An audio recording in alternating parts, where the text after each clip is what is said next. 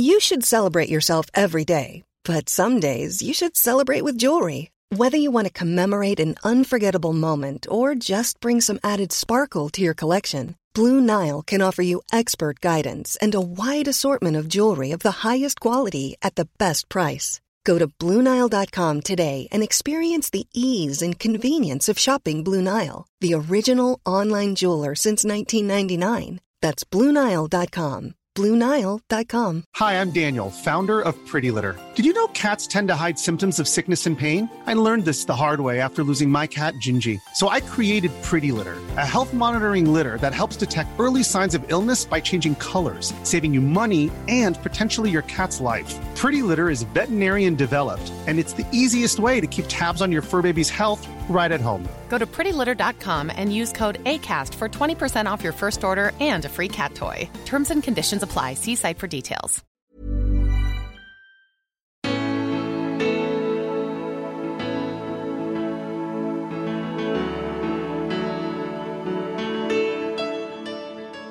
Tydligen ett gammalt rakblad i handen som könsstympade mig och den där lilla kompisen. Utan bedövning.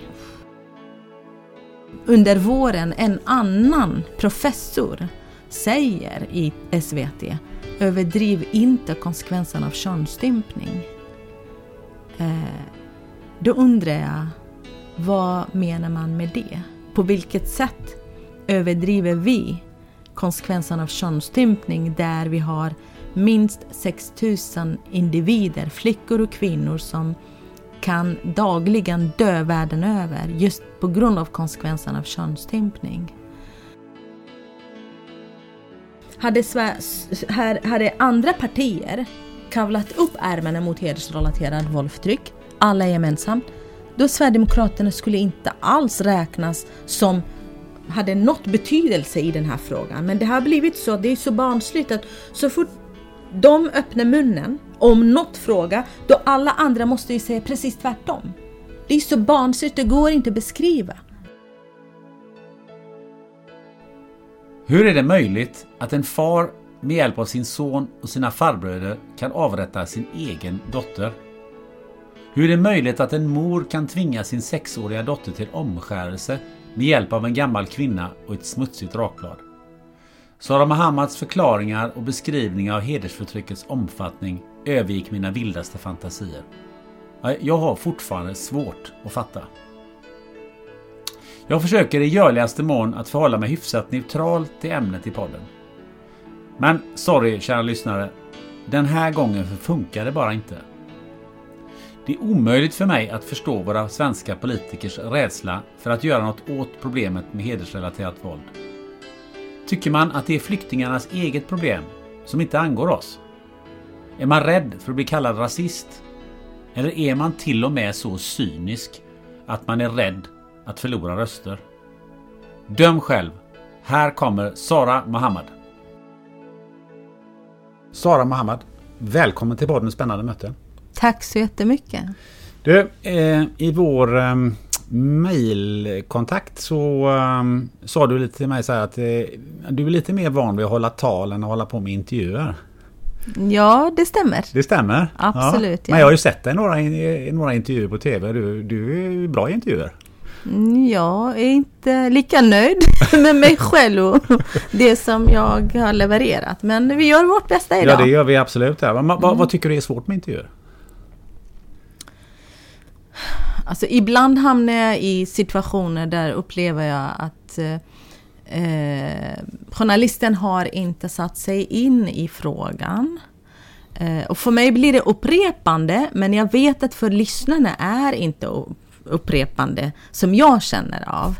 Och sen ibland eh, irriterar jag mig också på vissa frågor som tänker jag att det här är ju lite ställningstagande mm. i sig den frågan. Mm.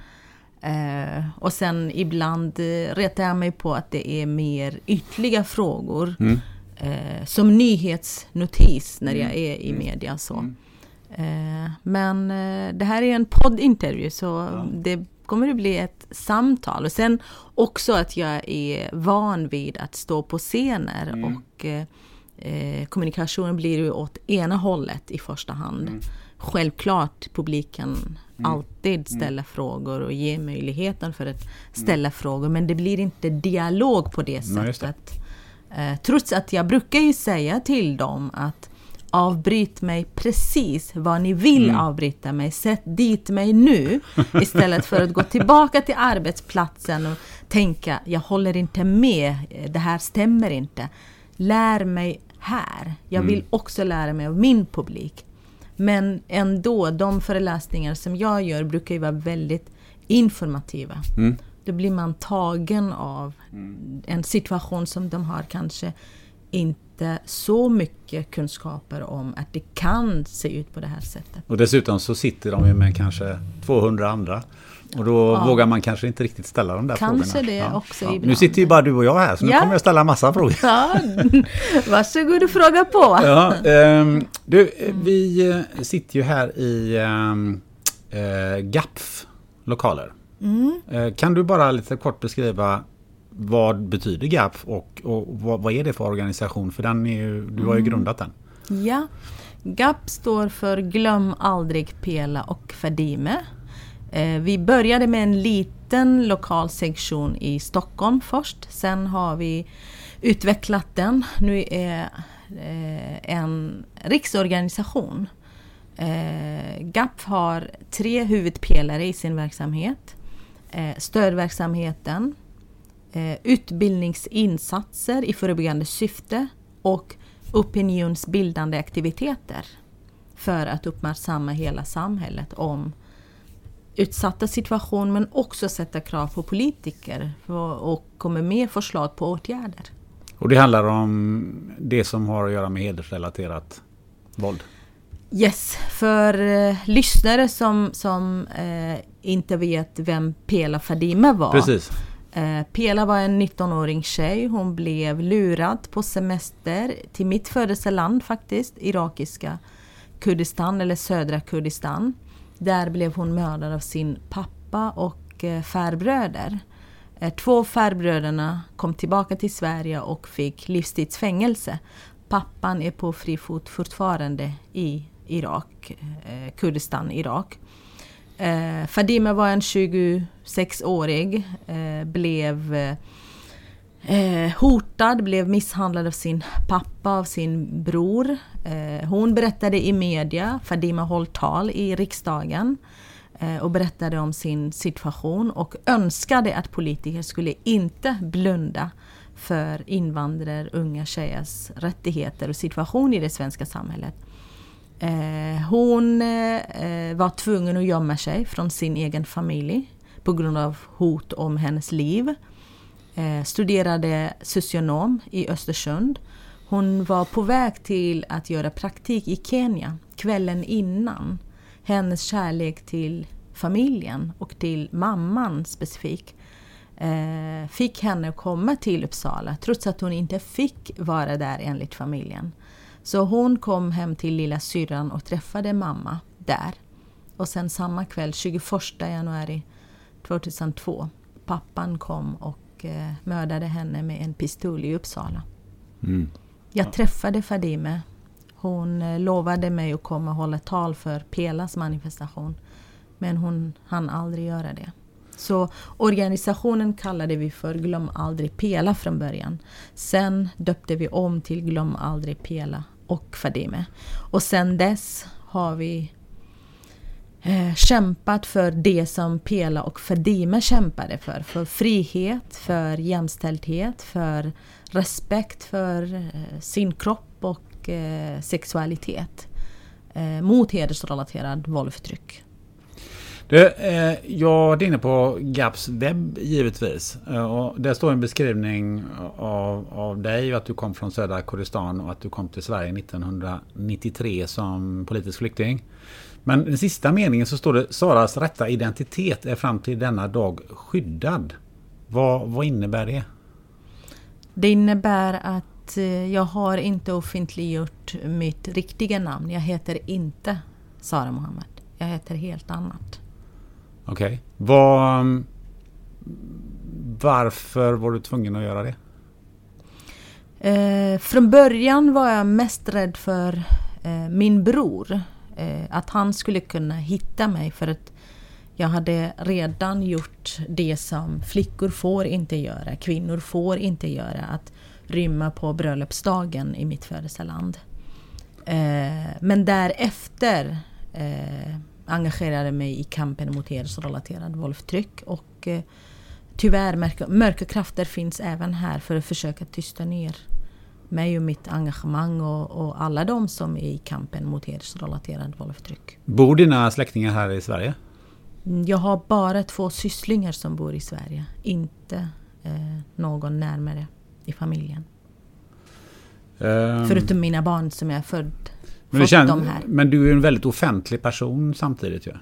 Mm. Hur, eh, hur fungerar det? Jag menar, hitta dig, det är inte så himla svårt.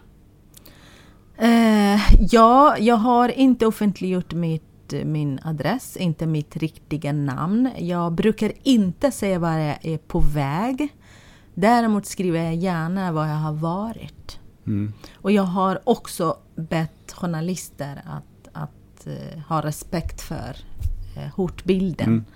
Mm. Uh, att man inte publicerar uh, saker och ting som jag inte själv vill att mm. det ska publiceras om mitt liv. Mm. Ja, jag tyckte det bara var intressant, vi ska lämna den frågan, mm. men, men det, det, det, jag studsade på den informationen mm. så att säga. Du, um, vi ska gå in lite grann på din eh, historia och var den börjar någonstans. Du har ju berättat den i, eh, i eh, Sommar i, i, i P1 och, och, vid många andra tillfällen. Eh, men jag tror att den, den, är, den är oerhört viktig och den är oerhört eh, dramatisk och jag tror att den, är, den bildar också en, en, tydlig bakgrund till det vi ska prata om sen och det du kämpar för ju eh, varje dag. Ehm, så att till att börja med du, är, du sa att du är från södra Kurdistan. Ta oss dit. Var ligger detta någonstans? Vad är Kurdistan överhuvudtaget? Så vi får lite sådär en, en sån bakgrund och, och mm. var du är uppvuxen någonstans. Mm. Kurdistan ju, har ju varit ett land tidigare. Det har ju uppdelats av fyra olika diktaturer i Mellanöstern. Det har blivit eh, uppdelat till Iran, Irak, Syrien och Turkiet. Och kurder finns i alla de här länderna. Eh, det finns eh, kurdiskt styre, egen styre i mitt födelseland. Eh, irakiska delen, södra Kurdistan. Eh, jag är född i ett område i Sulemania län. en stor stad som är upp till två miljoner invånare. Född i en ganska religiös och traditionell och ganska rik familj. Eh, bland nio barn, tre av dem dog innan jag föddes. Jag växte upp med sex, två, fem syskon, vi var sex barn i familjen. Vad kom det sig att ni var ganska hyfsat välbärgade? Jag tror att pappa hade eh, försökt att utveckla sin vardag och gå över gränsen över att inte stanna kvar i det lilla byn som han kom ifrån. Eh, och började med att åka till städer. Han var nyfiken person och han var mm. modig person. Eh, på ett sätt. Eh, han var väldigt, väldigt fredlig person. Eh, men han hade det modet för att bryta den sociala kontexten och eh, inte bry sig vad byborna tycker och tänker om hans, hans eh, utveckling. Och han hade åkt till Mosul, till Bagdad och hade handlat där små varor först och kommit tillbaka till till eh, det område som han bodde. Eh, jag kommer ihåg hur många gånger har vi skrattat om det här att första gången han hade eh, köpt hård tvål. Hård tvål? Hård tvål och tvättat ansikte i byn och hade fått kritik för det. För att man hade tänkt att han har blivit stadens kille, han känner inte igen sin bakgrund och sina rötter. Okay. Och det upplevde jag också när jag hade en eh, kurdisk lokalradio i tre år i Stockholm som jag var programledare för. Eh, där man eh, kom till direktsänd radio och berättade att eh, Ja, självklart har vi rättigheter men vi har också skyldigheter gentemot vår kultur. Vi kan inte bli svenskar direkt så här. Mm. Och för mig handlar det inte att bli svenskar eller bli stadens kille om du utvecklar hygien till exempel som min, min pappas eh, fall handlade om att, att ha ren ansikte och tvätta ansikte med tvål. Eh, eller att, att eh, klä sig som, som vanlig människa och inte sväpas in i 71 plagg för att inte upphetsa männen runt omkring dig, bland annat. Okay. Eh, eller att ha sociala relationer och kontakter med motsatta könet. Det ser jag inte som att man blir svensk. Nej. Utan det ser jag som att man lever som en människa med fullständiga fri och rättigheter. Men jobbade han med handel då? Kan man, kan man uttrycka det så? Ja, han började utveckla det också och hade sin egen affär. Och sen började han utveckla det också att han eh, köpte massa varor så att andra små affärer handlade från honom då, av honom. Så på det sättet var han eh, inte jätterik men han var ganska eh, väl. Ja, och du var en liten tjej som eh, ifrågasatte eh, dina bröder, har jag läst mig till, eller hört. Ja, eh, mamma hade en annan roll i familjen. Eh, hon könsdiskriminerade mig och eh, mina äldre systrar och min lilla syra som var fyra år yngre än mig. Och jag såg ju tydligt skillnad mellan hur hon behandlar mig och mina bröder och jämförde mig hela tiden med dem. För att med min ena bror var det bara ett års mellan. Att jag skulle tvätta deras skitiga strumpor och städa deras skitiga rum. Men det var absolut inte på tapeten att jag skulle fråga en av mina bröder, kan du hämta ett glas vatten till mig? Det fanns inte på kartan.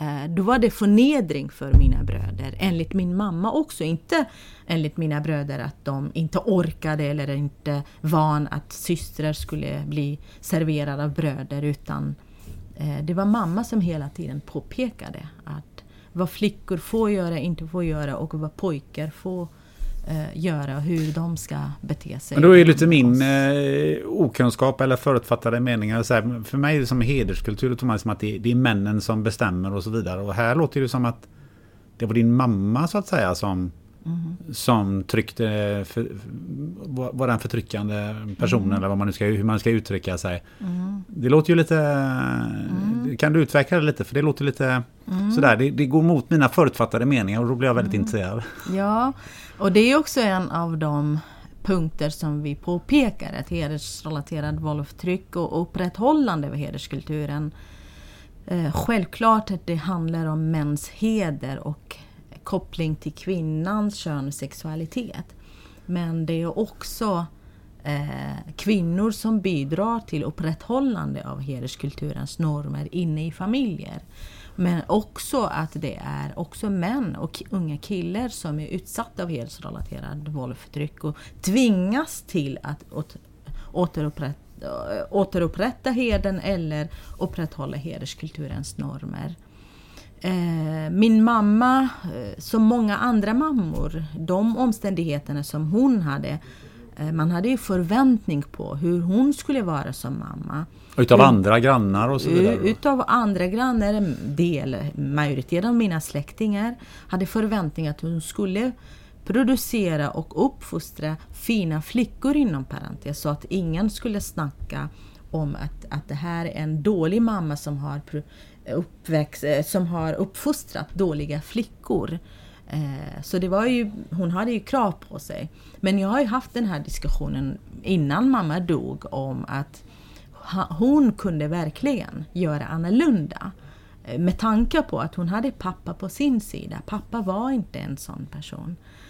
Men ändå hon lyssnade på de andras syn och synpunkter än att hålla i sin egen familj och ha eh, en, en trygg, erbjuda en trygg och kärleksfull atmosfär och kommunikation med sina egna barn. Det är ju en annan förutfattad mening man har i det här sammanhanget. Det är liksom att den äldsta eller fadern är på något sätt alltid familjens över, överhuvud och den som bestämmer hur det ska vara. Men det låter inte som det riktigt var så i, eh, i din familj. Eh, det stämmer eh, 100 procent. Eh, inte riktigt på det sättet.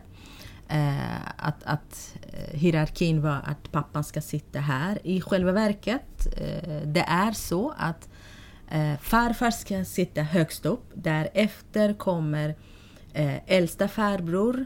Men också om äldsta farbror är en fredlig man som min pappa var.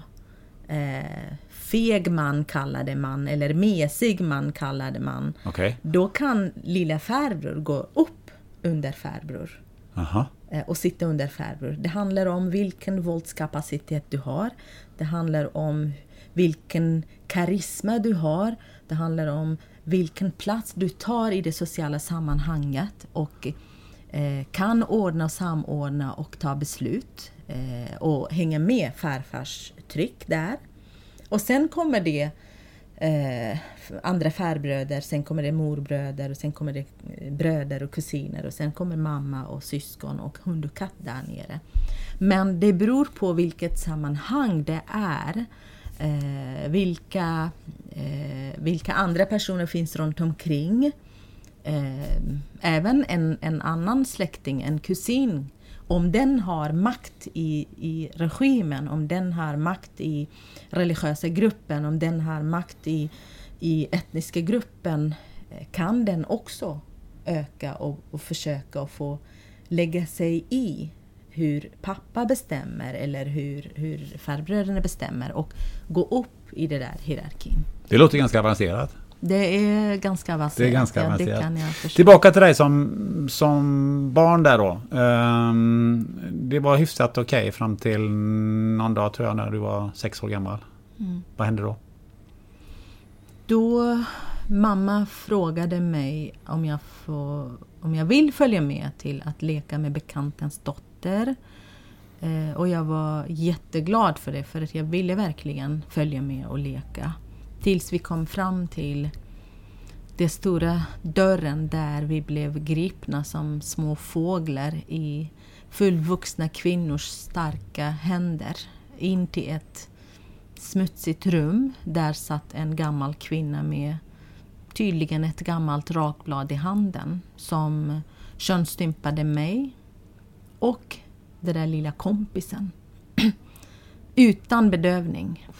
Eh, det var svårt eh, medan kvinnorna tog tag i våra små lår, små eh, ben och händer. Eh, det, var, det gjorde ont, det blödde.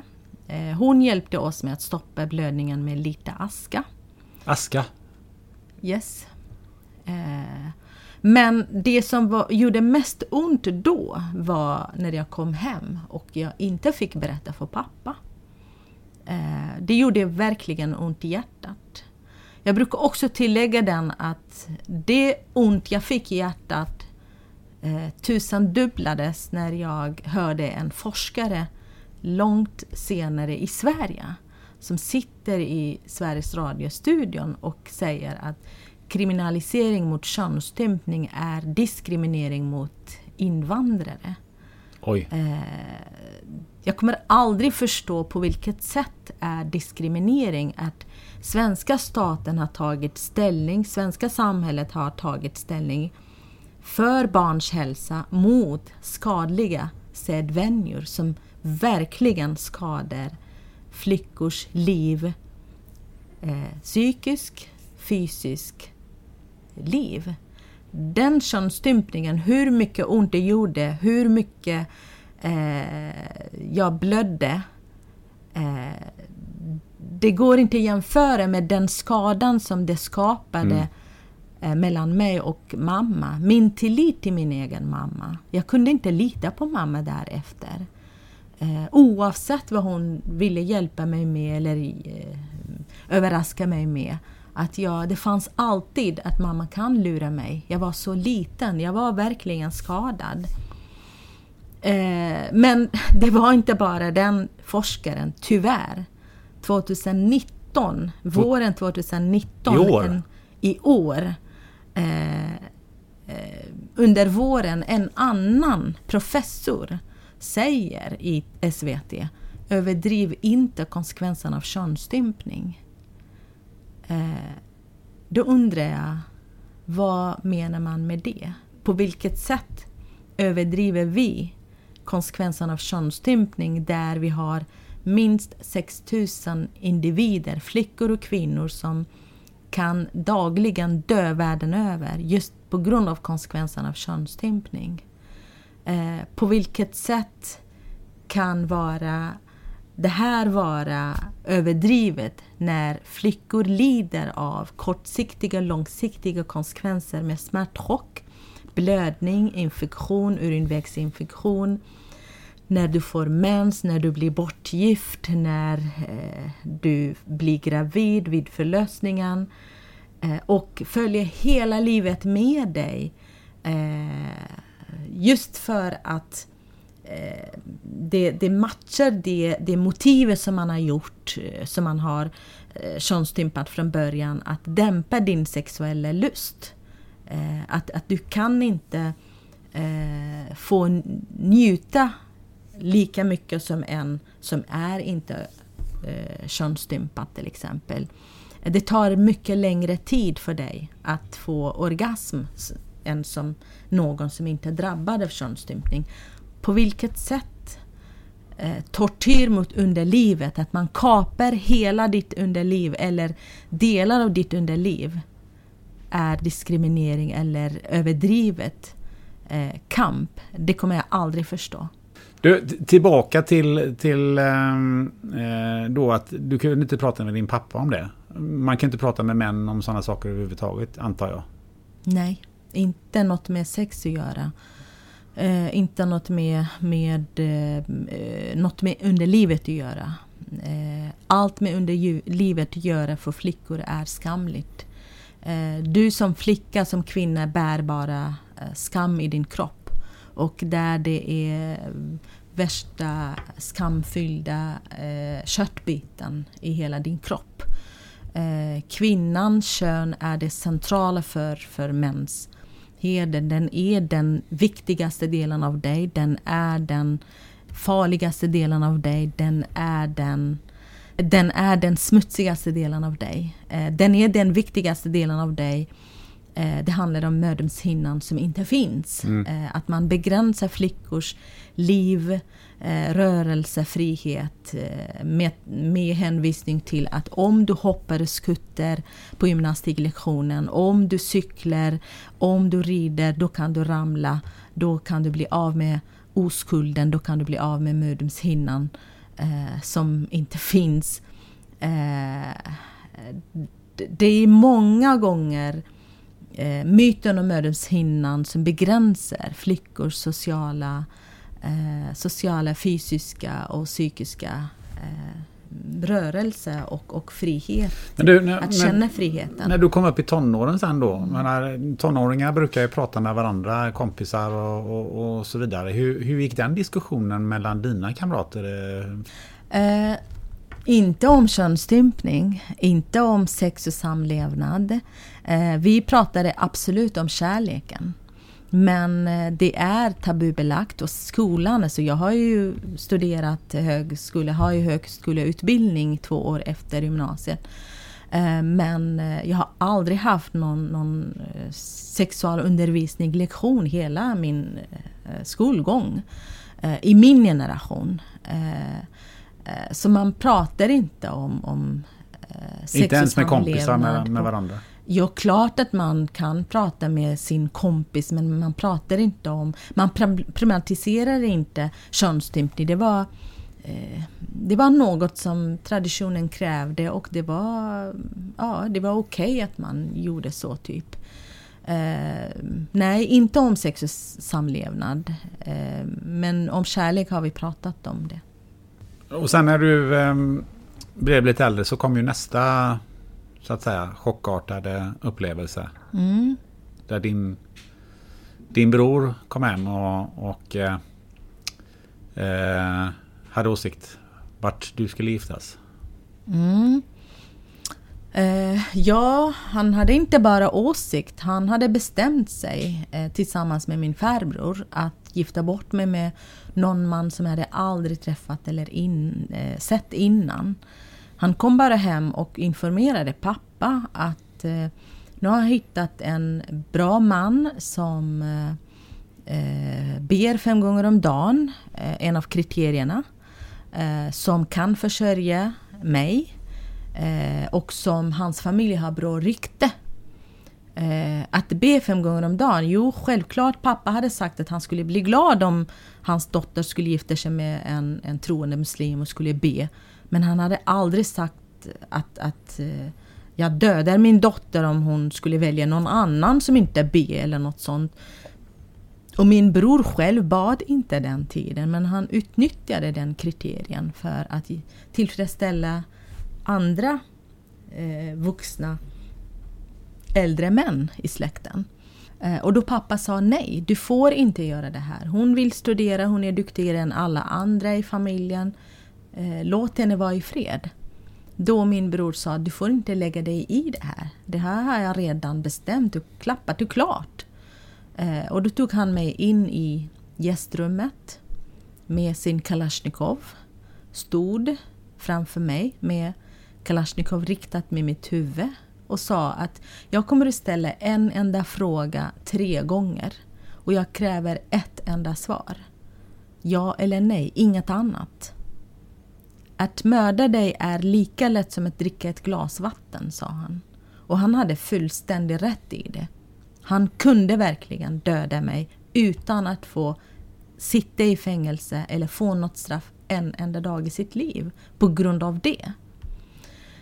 Jag sa nej två gånger. Andra gången han slog mig, jag ramlade på marken. Han plockade upp mig och sa att tredje gången är giltig. Nu får du välja mellan livet och döden. Och då själv kom jag på att jag vill inte bli mördad av hans smutsiga kulor. Jag vill begå självmord själv. Så då sa jag ja tredje gången. Och han fick det svaret som han krävde. Då släppte han mig. Eh, vi kom ut från dörren. Ingen trodde sina öron och ögon att jag kommer ut levande. Han trodde att... Eller de trodde att... Alla trodde att, att jag är lika envis och säger till honom nej även tredje gången och han är lika eh, bestämt att mörda mig just för att jag säger nej till honom. Absolut. Eh, och då pappa blev förbannad Eh, och skrek åt honom och sa att jag ska bränna hela huset. Du är så elak mot henne. Det här är orättvist. Och du får inte göra det här. Och, och då han riktade Kalashnikov mot min pappa.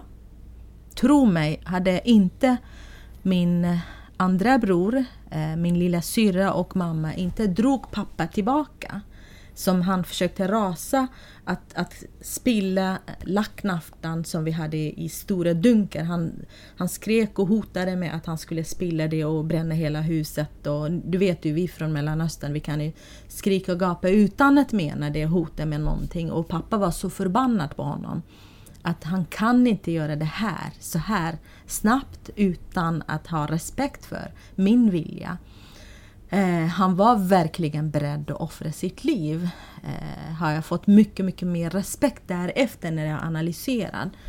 Eh, om min andra bror, min lilla syra och mamma hade inte dragit tillbaka pappa, då hade han träffats av tre skott som min bror lossade den natten, den kvällen, den sena kvällen. Eh, den blev ju en R eh, i huset eh, tre skott vid ett hörn.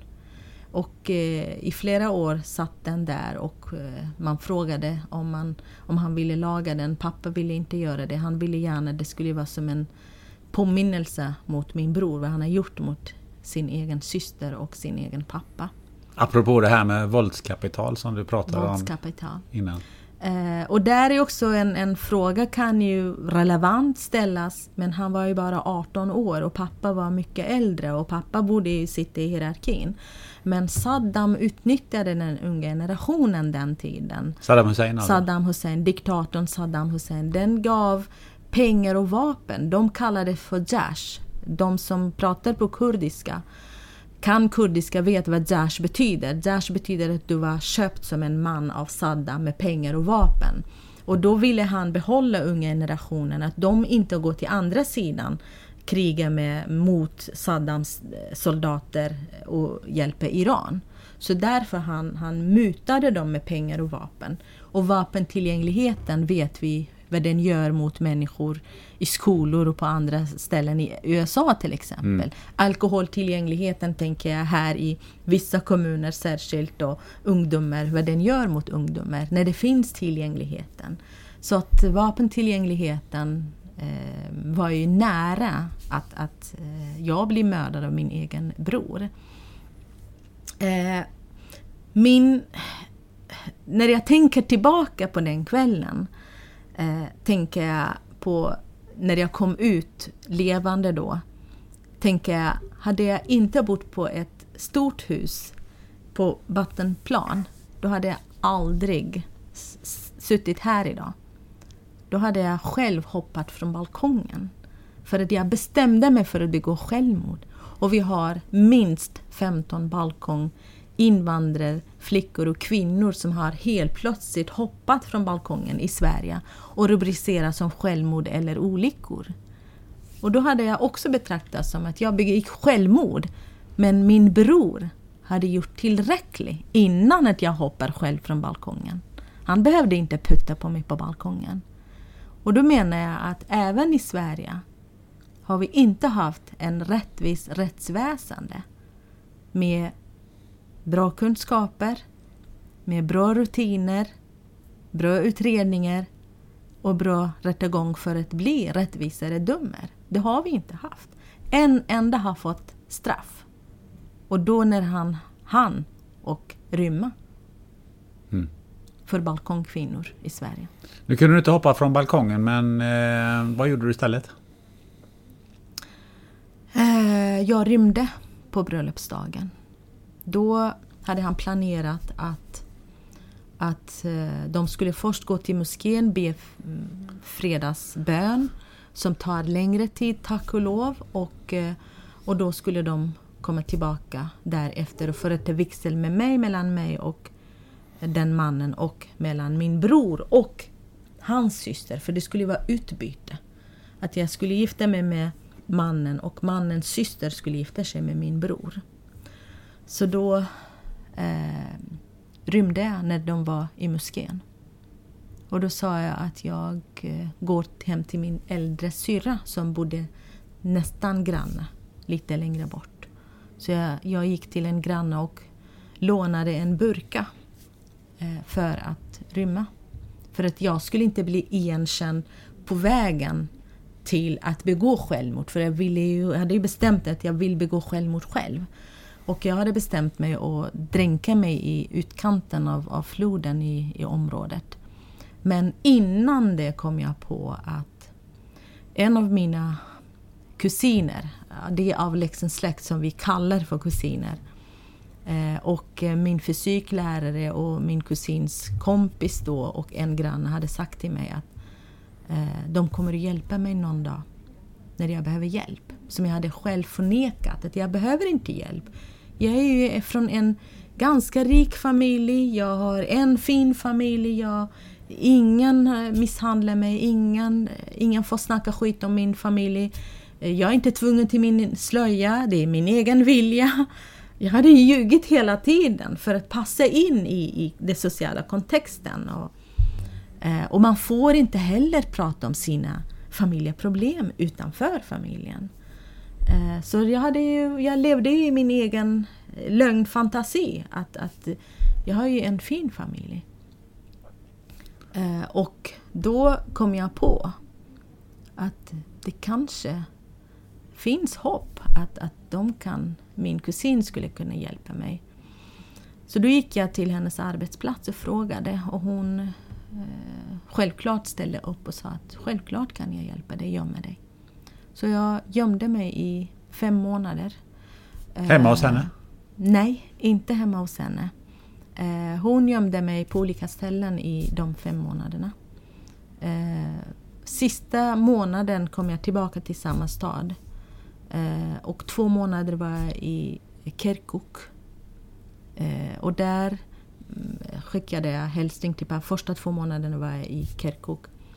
Eh, och hälsade skickade hälsning till pappa när jag hörde att han hade sagt att, att om han hittade mig levande då skulle han eh, stå bakom mig hela sitt liv. Eh, för de hade letat efter min lik i två månader utan resultat. Och då Mhm. kom han till mig till Kirkuk och träffade mig där. Och de tre dagarna var, har varit och var det bästa tre dagar av känsla av kärlek, eh, trygghet i hans famn. Vi grät, vi skrattade tillsammans, vi pratade om olika situationer i familjen. Och vi, eh, jag upplevde att jag älskat på riktigt för första gången trots att pappa var verkligen en eh, lekfull, trevlig, eh, väldigt, väldigt snäll pappa. Men ändå hade jag inte den, känt den känslan av att jag är viktig. Att, att han verkligen bryr sig om mitt liv. Eh, så då blev det så att pappa kom tillbaka eh, och fixade och trixade med min bror att han gifte sig med en annan eh, kvinna. Och därefter, pappa samlade Eh, halva släkten. De utredde mig. Om jag har rymt med någon kille, om jag har haft sex med någon man eller någon kille. Om eh, har jag har haft dålig rykte eh, i den sociala kontexten. Eh, och då, nej, de hittade inte sådana eh, fläck och enligt hederskulturens kontext då. Så då fick jag komma tillbaka och då blev jag förlåten. Vem som förlåter vem är det en annan femma. Men sen bodde du hemma hos din familj ett tag. Exakt. Men sen undrar jag lite, vad, vad hände sen? Varför eh, tog du dig till Sverige? Jag kom till Sverige som min mans fru, fru. Eh, Min före detta mans fru. Så jag kom inte till Sverige för att jag rymde från bröllopsdagen. Eh, Min man var, eller min före detta man var, som jag har två barn med, eh, var en eh, politisk aktivist mot iranska regimen. Han har varit aktivist i oppositionspartier sedan han var 13 år. Typ han har engagerat sig i den rörelsen. Vad sa du, Iran? Irans, Aha. han är kurd från Iran. Mm. Och han har aldrig kunnat åka tillbaka till Iran sedan dess. Det var därför han flydde helt enkelt? Det var därför han, han bodde i Irak den tiden. Så då, då eh, var han opposition mot iranska regimen. Och sen vi kom till eh, Turkiet och där eh, han var ju huvudpersonen i familjen som jag och, och, och han. Eh, och han gav ju sin, sin argumentation till FN. Eh, att han kan inte åka tillbaka till Iran och i Irak fanns ju också Iran, spioner från, från eh, Iran då. Så han var rädd för, för sitt liv där och blev för känd och han hade kontakt med, med eh, personer som bodde i Iran. Eh, då var han rädd att de blir avslöjade, då blir det kalabalik. Och, eh, så då, det var hans case i sin helhet som, som blev godkänd av FN för att räknas som kvotflykting Mhm. senare då. Så jag var hans fru. Eh, Men varför just Sverige? Vad, vad, vad visste ni om Sverige? Varför ville ni till Sverige? Eh, det var inte en, en genomtänkt eh, val att, att komma till Sverige. Det var inte heller eh, vi som bestämde vilket land skulle vi komma. Eh, Nej, I och med att ni var ju- kvotflyktingar då så... Ja, han hade ju eh, kontakter här. Han hade ju avlägsen släkt här. Eh, och eh, jag hade också hört gott om Sverige och jämställdheten. Och så då var fanns det en delegation från Sverige då och de visade ju lite film och berättade hur Sverige är och vilken eh, jämställd, om jämställdhet och, och, och, så. Så vi var ju glada att komma till Sverige. En annan tanke var att vi skulle åka till Kanada men då måste man vänta, skulle man ha väntat i sex månader innan delegationen skulle komma till Turkiet. Då. Men då eh, blev det så att vi blev intervjuad eh, av svenska staten, eller svenska migrationsverkets delegation då, som kom till, till eh, Turkiet. Vi var 150 personer bland 500 som blev intervjuade, tror jag. Men vi 150 blev beviljade att skulle komma till, till Sverige. Och det gjorde vi. Och jag var överlycklig att komma till Sverige. Eh, men det tog inte så lång tid innan jag blev besviken. Varför det? Eh, för att jag hörde så småningom i SFI-klassen att hederskulturen har eh, breddat ut sig även i det svenska samhället. Eh, hederskulturen har kommit till det svenska samhället och att svenska samhället eh, ser inte de här signalerna på allvar. Jag har sagt det innan och säger det igen. Jag gifte mig med min före detta man för jag blev kär i hans jämställdhetstankesätt. Långt innan han kom till Sverige. Han var ju en kämpa och kämpade mot iranska regimen för att eh, för en mer demokrati, mer frihet och jämställdhet i, i det land som han kommer ifrån. Eh, men eh, när vi kom till Sverige, det var han som reagerade på massa signaler hos socialtjänsten till exempel. Att pengarna skulle gå till hans konto. De skulle fixa kontonummer till, hos banken till honom. Eh, hur han skulle fylla i blanketter och hur vi, han skulle göra det och det. Och han hela tiden påpekade men hon är ju egen individ, hon måste ju ha sina egna pengar på sitt konto. Eh, på SFI-skolan till exempel, eh, klasskompisar tyckte att jag var världens lyckligaste eh, kvinna för att min man bestämmer inte vart jag sitter i klassen. Om jag sitter bredvid en man, bredvid en, en eh, kvinna, om jag skrattar med en man, om jag tar en kopp kaffe med en man eller en kvinna efter eh, skoltiden. Jag var ju väldigt chockad över vad då? Här, man har ju drömt om eh, mest jämställda landet Sverige och helt plötsligt upplever jag att man gör skillnad på att bemöta invandrare från hederskulturen som mig och min före detta man och eh, svenskar. Varför ska det vara på det sättet? Eh, så det var han som reagerade på massa signaler som jag inte reflekterade ordentligt den tiden.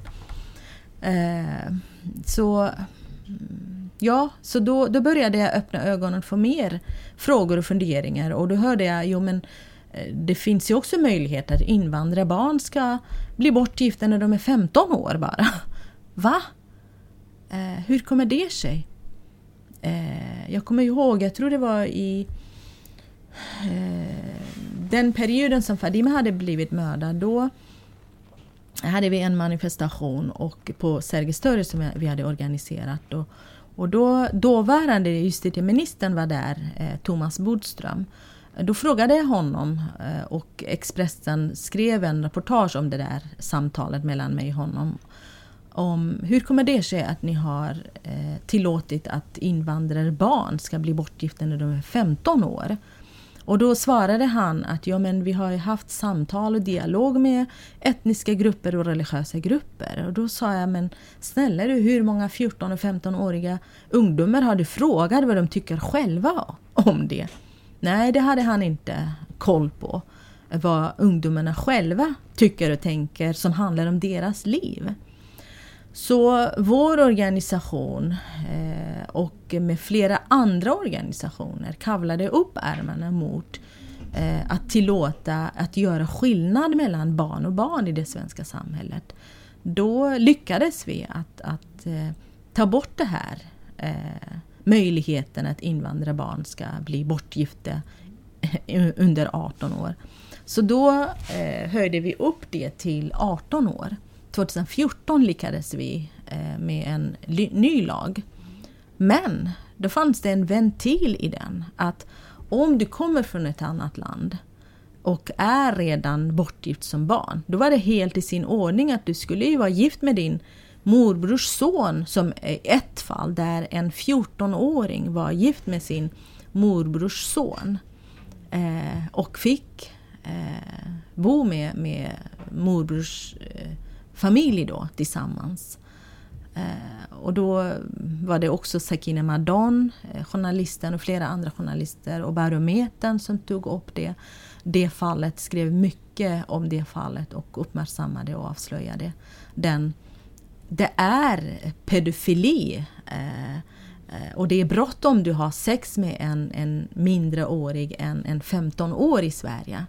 Medan i, i Eh, förvaltningsrättens dom skrev eh, domaren, eller domen, att hon var brådmogen.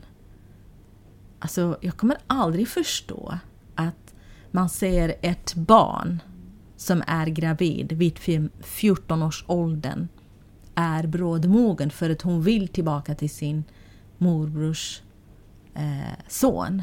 Samma barn har velat att fly från den här familjen. Men ändå familjens press, familjens stress mot henne, kanske familjens hot. Jag har inte varit eh, i kontakt med flickan själv men jag har haft kontakt med sociala myndigheter om det här fallet.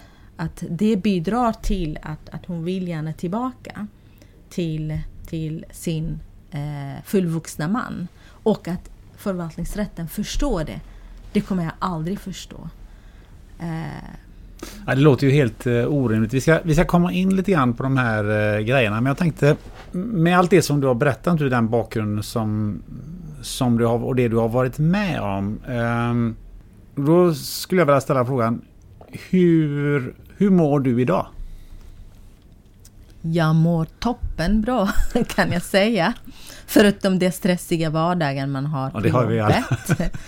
uh, jag tycker inte att man ska gå igenom det svåra livet som jag har gått igenom under min uppväxt. Det har absolut påverkat eh, en del av mina sidor eh, som både mina familjemedlemmar påpekar på eh, men också jag själv tänker att det måste ju ha något med det att göra. Eh, men när jag tänker att, att kunde lyckas och förvandla eh, det problem och, och eh, utsattheten till något helt eh, eh hoppgivande eh, engagemang och genuint engagemang i kampen eh, för flickors rättigheter, mot hedersrelaterat våldsförtryck. Det är jag väldigt, väldigt stolt över eh, att, att kunna lyckas och ge hopp till, till sorgsna ögon, ge, få se lite eh, leende på läpparna hos eh, ledsna eh, individer som har precis gått igenom eller håller på att gå igenom eh, tvångsäktenskap eller barnäktenskap eller har frigjort sig efter svårigheter. Eh, det ger mig kraft. Eh, eh, att, att se små men ändå viktiga förändringar i det politiska eh, eh arenan och eh, i debatten. Eh, det gör mig både stolt och glad.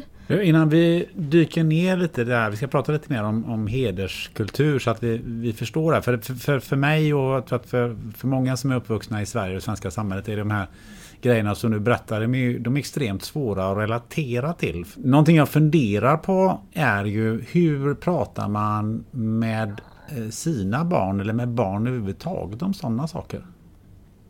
Jag har berättat vad har hänt mig. Jag har eh, berättat eh, varför jag är en, en mamma som är eh, upptagen hela tiden. hur viktigt det är att vara engagerad i kampen mot hedersrelaterad våldsförtryck.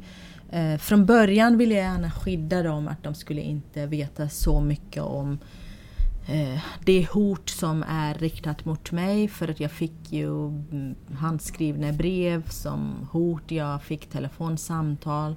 Jag har polisanmält flera gånger, jag har varit tvungen att flytta från eh, Alby, Botkyrka område till ett annat område. Jag har sett eh, folk som har följt efter mig. Jag har hört att folk har sökt mig på apoteket när jag inte jobbade där längre. Så att den perioden var eh, svårt. Eh, jag ville gärna att barnen skulle inte bli involverat i, i det här eh, engagemangskaoset i positiv bemärkelse eh, och att de ska inte bli drabbade. Och jag eh, mådde verkligen dåligt den eh, alltså periodvis om när jag tänkte på att, att jag är inte rädd för döden men jag är rädd om mina barn Eh, mina barns mamma som är mig eh, dör. De har inte bestämt sig och, och fått tycka till vad jag får göra och inte göra. Att varför ska de växa upp utan mamma? Men sedan de har fyllt 18 år eh, då, då känns det mm, lugnare för mig i alla fall. Att jag har, det känns att jag har gjort det som jag har kunnat och det ansvar som man har som förälder. Eh, sen har jag har de själva, de har ju sett och de har ju, alltså jag har ju haft ungdomar och barn och mammor i mitt eget hem i 17 år på ideellt bas. Inte en enda krona. För jag har också hört att de som försöker slå mot eh, mina åsikter vill gärna sprida eh, förtal. Att till exempel att jag gör det här för pengar. Jag har aldrig gjort det här för pengar.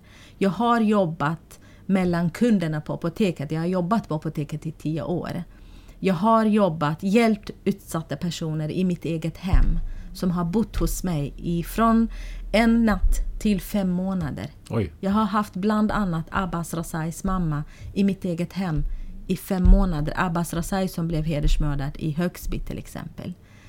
Jag har hjälpt många som har bott med mig och mina barn och mina barn har haft Eh, tillgång till historier och har hört det. Vi har ju suttit och, och, diskuterat hur utsatta de är och hur viktigt jobb mamma gör och hur, hur viktigt eh, skydd mamma erbjuder. Och samtidigt har vi varit noggranna med att ingen får veta vilken adress jag har. Den dilemman, men jag har alltid haft eh, samtal och kommunikation med både Säpo i vissa sammanhang men också med polis, eh, personskyddpolisen i Stockholm i många år och sen med polisen i olika delar i landet när det har varit och när det har varit hot innan jag åker till det stället. Eh, sällan tack och lov, inte så mycket. Och det har aldrig varit något hot här till, till mina personal eller kontaktpersoner. En enda gång var någon ringde och hotade mig och jag trodde verkligen det var någon av mina busiga kompisar som driver med mig eh, skojade tillbaka i tio minuter, sen visade det sig nej det, det här var ett hot. Eh, och då samma person hade ringt till två andra personer. Eh, men vi har ju polisanmält en, en del av de här hoten. Och, och därefter har inte eh, har inte varit något mer. Och det, det, jag har ju kontinuerlig kontakt med, med, med eh, polis, personskyddpolisen i, i Stockholm bland annat. På är, kan du förklara eh, vad är det för skillnad på hedersrelaterat våld och eh, förtryck som till exempel en man har mot sin fru eller en sambo eller, eller någonting annat. För det finns ju en del förtryck och den typen av våld inom alla typer av familjer i Sverige och säkert i, i, i de flesta andra länder också. Vad är, vad, är, vad är skillnaden mellan det och det vi pratar, pratar om hedersrelaterat eh, förtryck? För att i, i den diskussionen som har varit i Sverige så har man ju velat jämställa det med att ja, förtryck som förtryck och så har man ungefär dömt på samma sätt. Men vad är skillnaden mm. som du ser? Mm. Alltså Dels att vi lever i en patriarkal samhälle, i ett patriarkalt värld. Eh, allt handlar ju om mäns maktutövning över kvinnors eh, underordning. Eh, därefter kommer vi till vilka omständigheter man har, vilka kontext man växer upp i. Eh, när man växer upp i, inom hederskulturens kontext och att man ser vilka skillnader finns, då är det tydligt att eh, hedersmord till exempel, det är ren avrättning. Domen kommer innan handlingen. Det bestäms oftast av kollektivet. Vem, var, när, hur man ska göra det. Den personen som begår brott, begår hedersmordet, den blir en hjälte. Han har ju räddat, eller hon har ju räddat, i första hand är det en han, räddat familjens heder. Man klappar åt personen. Man sanktionerar personens handling. Staten sanktionerar med att inte ge straff till den som har tagit livet av en annan person. Det är den ena skillnaden. Om vi tittar på i den svenska kontexten, om någon man som mördar sin före detta fru. Det är klart brott är brott. Det är lika barbariskt, det är lika eh, omänskligt att man tar livet av en person. Skillnaden är att den personen gör det med egen hand. Kanske någon kompis eller någon hjälper till under tiden. Men det är inte en avrättning som sanktioneras av både staten och oftast kollektivet. Han blir inte en hjälte. Han fördöms i samhället. Han får sitta i fängelse. Där säger man rätt åt honom. Han fördöms av sin egen familj också. Han blir inte en hjälte för varken staten eller eh, religiösa gruppen och etniska gruppen. Utan han får förtjäna sin straff. Man skäms för det som ens bror, ens eh, eh son har gjort. Den andra delen är att hedersrelaterad våld och förtryck utövas av både män och kvinnor och självklart majoriteten av de som begår hedersbrott är män. Minst 10 procent av de som tar kontakt med oss för söka hjälp är killar och unga män. Då hedersförtryck är mot både män och kvinnor. Så det här är mäns våld mot kvinnor och våld i nära relationer, det stämmer inte när det handlar om hederskulturkontexten. Så de grova skillnaderna gör det så att det blir mycket mer försvårande omständighet för den som tar ställning mot kollektivet. Det är oftast kollektivistiskt. Eh, om du blir våldtagen till exempel. Om du blir, blir våldtagen, alltså metoo-rörelsen har vi erfarenhet av. Eh, och sexuella trakasserier. Så länge du är tyst och behåller det för dig själv. Eh, ingen annan får veta det. Det är lugnt i sin ordning.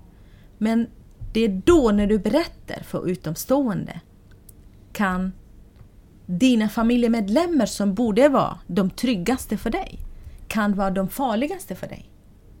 För att du har dragit skam över deras heder. Du har orsakat, du har orsakat att de får ta den smällen. Att de har inte lyckats att kontrollera och trakassera dig. Det är du som är ansvarig. Att ha tillåtit dig att klätt dig på ett visst sätt, klätt dig, utmana dig inom parentes kallas det. Befunnit dig en, på ett ställe där det har funnits man som eller män som har lyckats våldta dig. Och att du har inte lyssnat och lydit de normer och värderingar som du har växt upp med och uppfostrat med. Det är klart att det är skillnad.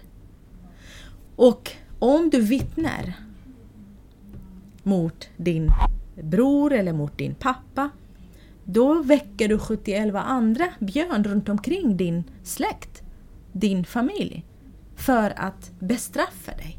Det slutar inte där heller.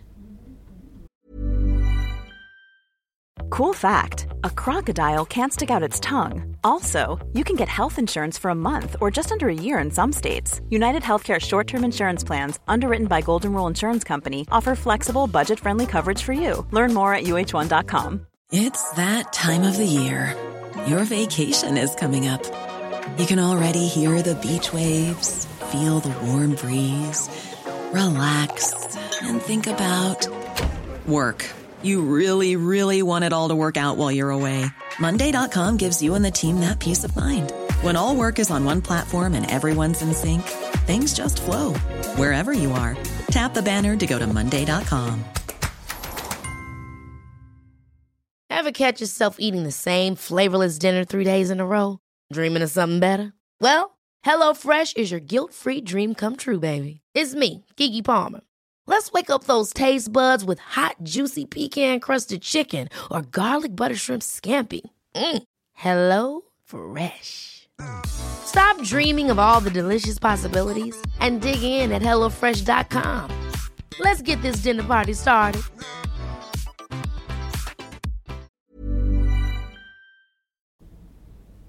Så att på många olika sätt det ger mer konsekvenser.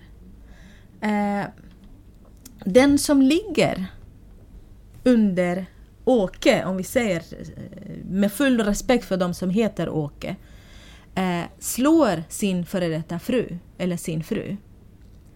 Kvinnan under Åke säger inte vad skönt att jag inte blir misshandlad av min farbror eller morbror.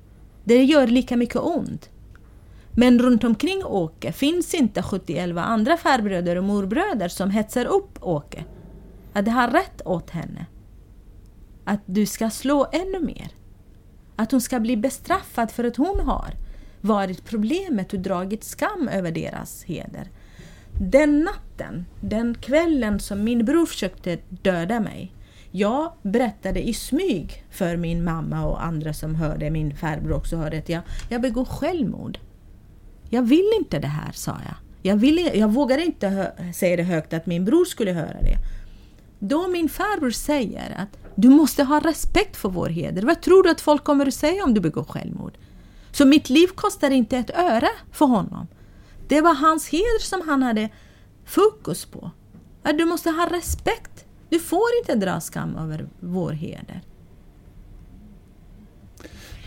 Du, med bakgrund på det du har sagt nu. Nu kommer ju då människor från den här kulturen till Sverige. Vi har ju varit inne på det tidigare. Eh, de flyttar ut i ett, i ett område som eh, är ganska segregerat. Eh, de pratar knappt svenska, eller kanske inte svenska alls. Eh, de blir ganska vad ska man säga, isolerade i alla fall från, från den vanliga svenska samhället. Och eh, med tanke på det du sa, att det här att, att eh, man, är tvung, eller man är tvungen att hålla ihop och man är, man är väldigt beroende av varandra. Eh, är det inte så att man nästan blir ännu mer beroende av varandra när man befinner sig i en, i en miljö som är främmande i det här fallet? Än jämfört med man är där nere. Alltså att, att eh, vad jag försöker komma till är, blir det nästan värre när man hamnar här än när man, har, när man är i Irak eller Iran eller den, de länderna, eller Kurdistan är, som du säger. Nu menar jag inte att, att man inte ska fly därifrån, det finns ju andra orsaker, men, men just det här att jag ser bara att eh, det måste ju, måste bildas sådana här öar mm. i ett mm. land som, som, som Sverige i de här områdena. Det är ju nästan det är nästan ännu mer grogrund för det än vad det är hemma. Mm, kan, man, mm, kan, man, mm. kan man göra den reflektionen eller vad tänker du när jag säger så? Ja, men vi hör också ibland av utsatta eh, barn som själva är födda i Sverige och som Eh, har eh, skällt ut sina föräldrar framför oss här och sagt att eh, det är bättre för mina kusiner i, i gamla hemlandet än i här vad ni gör och hur ni begränsar oss på förorten där föräldrarna säger till dem att ni ska inte prata med någon kille på vägen hem och ni, ni måste komma hem från skolan direkt och eh, ni får inte ha killkompisar och, och så. Eh, det är absolut, det påverkar ju hur isolerad man blir eh, i olika förorter.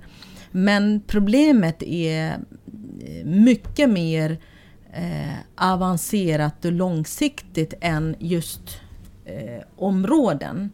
Eh, för det är också en åsikt att man försöker hänvisa hedersrelaterad våld och förtryck till socioekonomiska problem i olika områden. Jag vill inte köpa det helt. Självklart socioekonomiska problem och socioekonomiska omständigheter har ju påverkan oavsett vilket land du kommer ifrån och vilket land du lever i. Eh, och du hamnar i. Och självklart att i ett litet område eh, isolerar man eh, några eh, som kallas för invandrare i det svenska samhället påverkar också.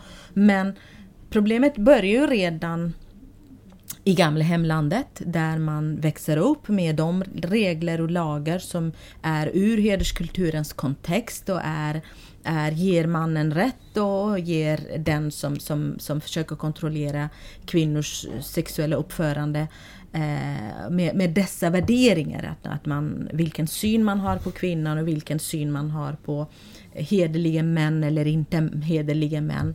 Eh, och vilka lager finns i de länder. Sen nästa steg kommer man till Sverige. Alltså delvis problemet har ju också handlat om eh, hur tydliga vi är när man kommer till Sverige.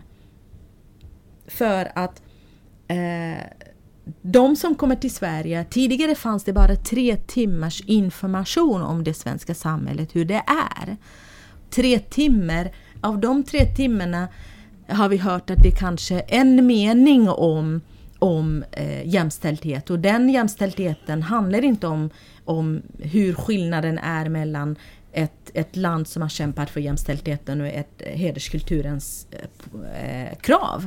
Eh, det är nu har man eh, efter en utredning har blivit att det ska vara 60 timmar men även de 60 timmar om man inte är ärligt och öppet har samtal om eh, hederskulturens destruktiva påverkan på barns hälsa och barns liv och framtid. Bland annat att Eh, problematisera könsstympning till exempel, erbjuda stöd vid redan när man kommer till, äh, söker asyl. Att, att det finns hjälp att få till ditt barn. Är ditt barn könsstympat så att man får hjälpa dem hälsomässigt. Eh, och om barnäktenskap, att man erbjuder staten erbjuder eh, stöd och hjälp till de som är redan bortgifta.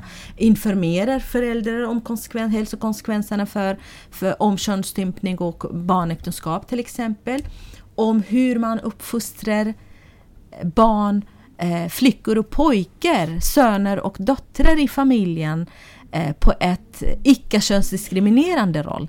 Det borde man börja redan där. Eh, gör man det, då har man också presenterat vilka skyldigheter vi har gentemot svenska lagstiftningen och alla konventioner, kvinnokonventioner och barnkonventioner som vi har skrivit under, Sverige har skrivit under. Så då kommer vi eh, ta steg för steg och sen kan vi också eh, bredda ut de som kommer på ett helt annat sätt än att stoppa dem i gettoområden eller i, i utanförskapsområden.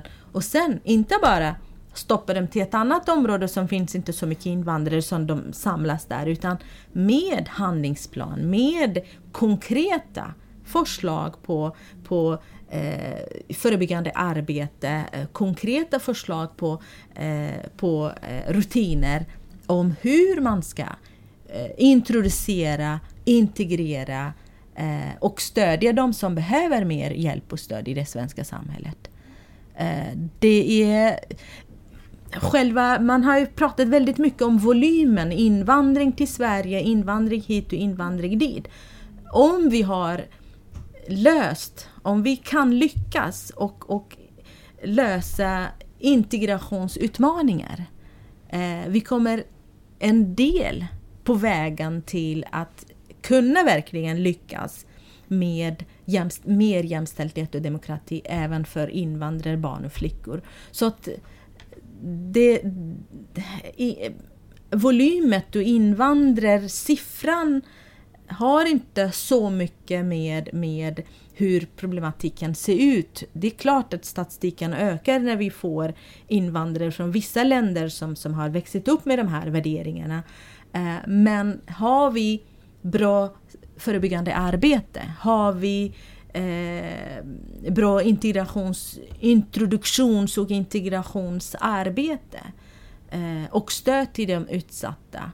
Eh, då har vi, kommer vi gå mycket, mycket längre fram i, i kampen mot hedersrelaterat våld och förtryck.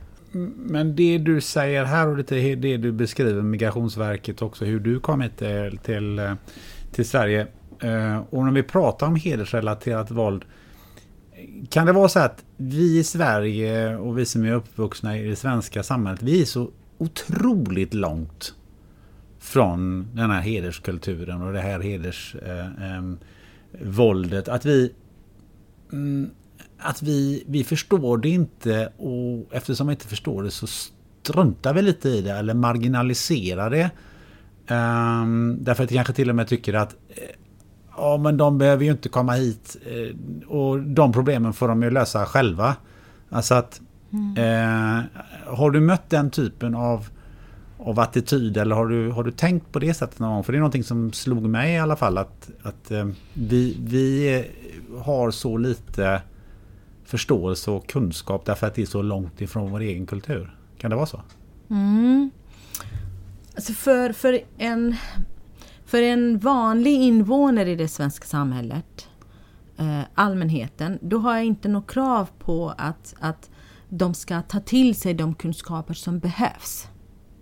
Men för politiker och myndighetspersoner, jag köper inte det argumentet att vi är långt ifrån varandra. Det är en fakta att det är så. Ja, men det, jag tänker att det är, är orsakssamman... Jag, jag, det är ja. inget, jag vill inte säga att det, att det är någonting som man säger att ja, men då, och, och då kan det ju vara så, utan mer liksom att se ett orsakssammanhang till varför man agerar på det sättet som, mm. som man gör. Ja, men det som, min reaktion handlar om att jag har hört gång på gång politiker som säger att vi har varit naiva, vi har inte tillräckligt med kunskaper och vi har inte kunnat att hantera det här. Eh, det finns, in, det finns brist på kunskaper. Då menar jag att det blir som ursäkt. Jag har jag har tjatat om det här i minst 27 år i det svenska samhället. Att politiker har skyldighet att ta till sig de kunskaper, brist på kunskaper som de har. Har man rent av struntat i det då? Ja, så kan jag säga. Det finns mycket kunskap idag om vilka signaler finns hos utsatta individer som är utsatta för hedersrelaterat våld och förtryck. Men det finns för lite kunskaper om fördjupande.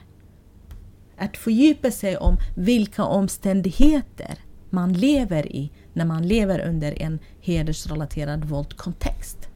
Förstår man inte det, då tar man inte heller signalerna på största allvar.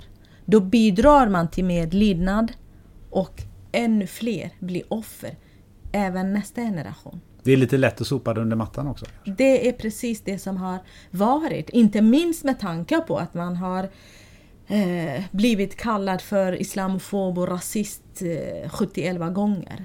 Den här frågan handlar inte om att vara rasist för att motverka eh, hedersrelaterad våld och förtryck mot invandrare, flickor och barn.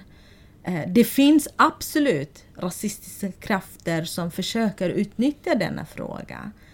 Eh, och det finns också å andra sidan har vi religiösa mörka krafter som försöker verkligen tysta ner allt problematisering av könsstympning, av barnäktenskap, om, om tvångsslöjan, om, om eh, ha sexualundervisning, om att eh, ha killkompisar, om att eh, ha fritidsaktiviteter.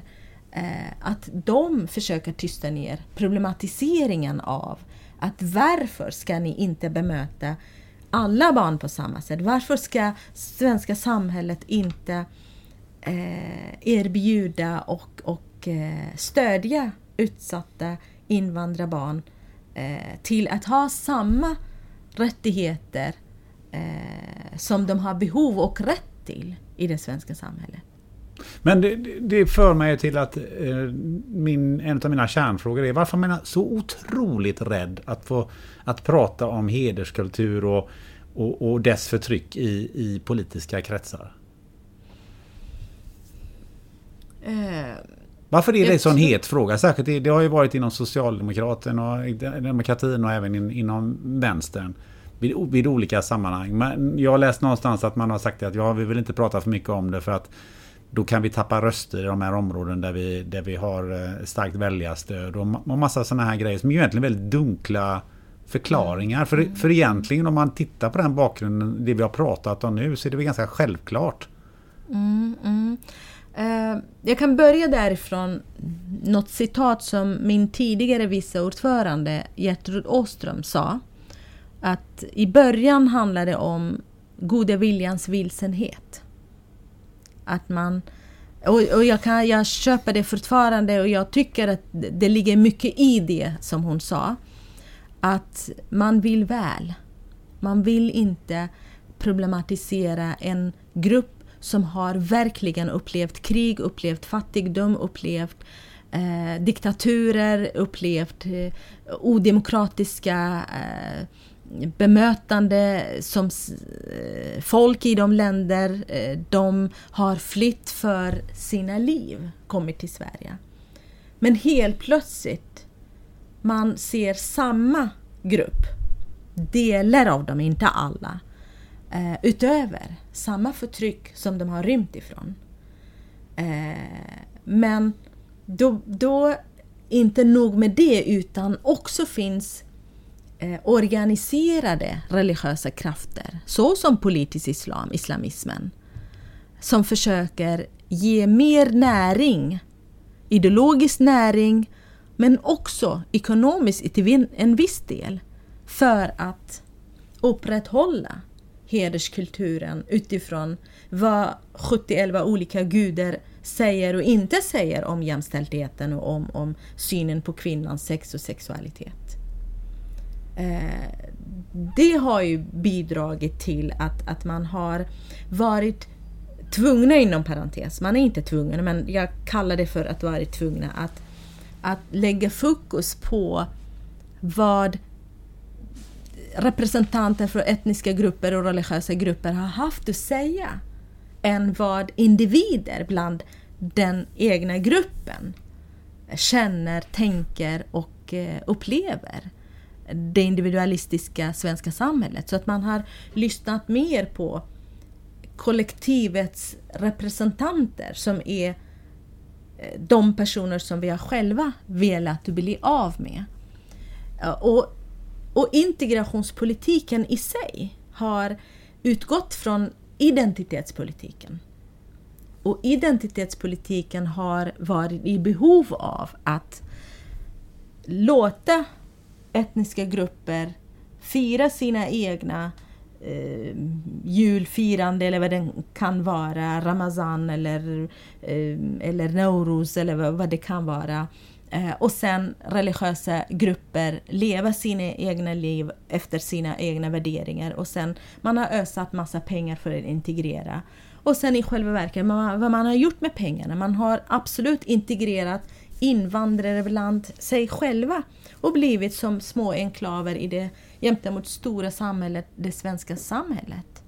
Eh, det har inte gynnat individer i de enskilda grupperna. Det har bara gynnat de som har kunnat skrika högt, de som har kunnat då hävda och kräva kollektivistiska krav på särbehandling.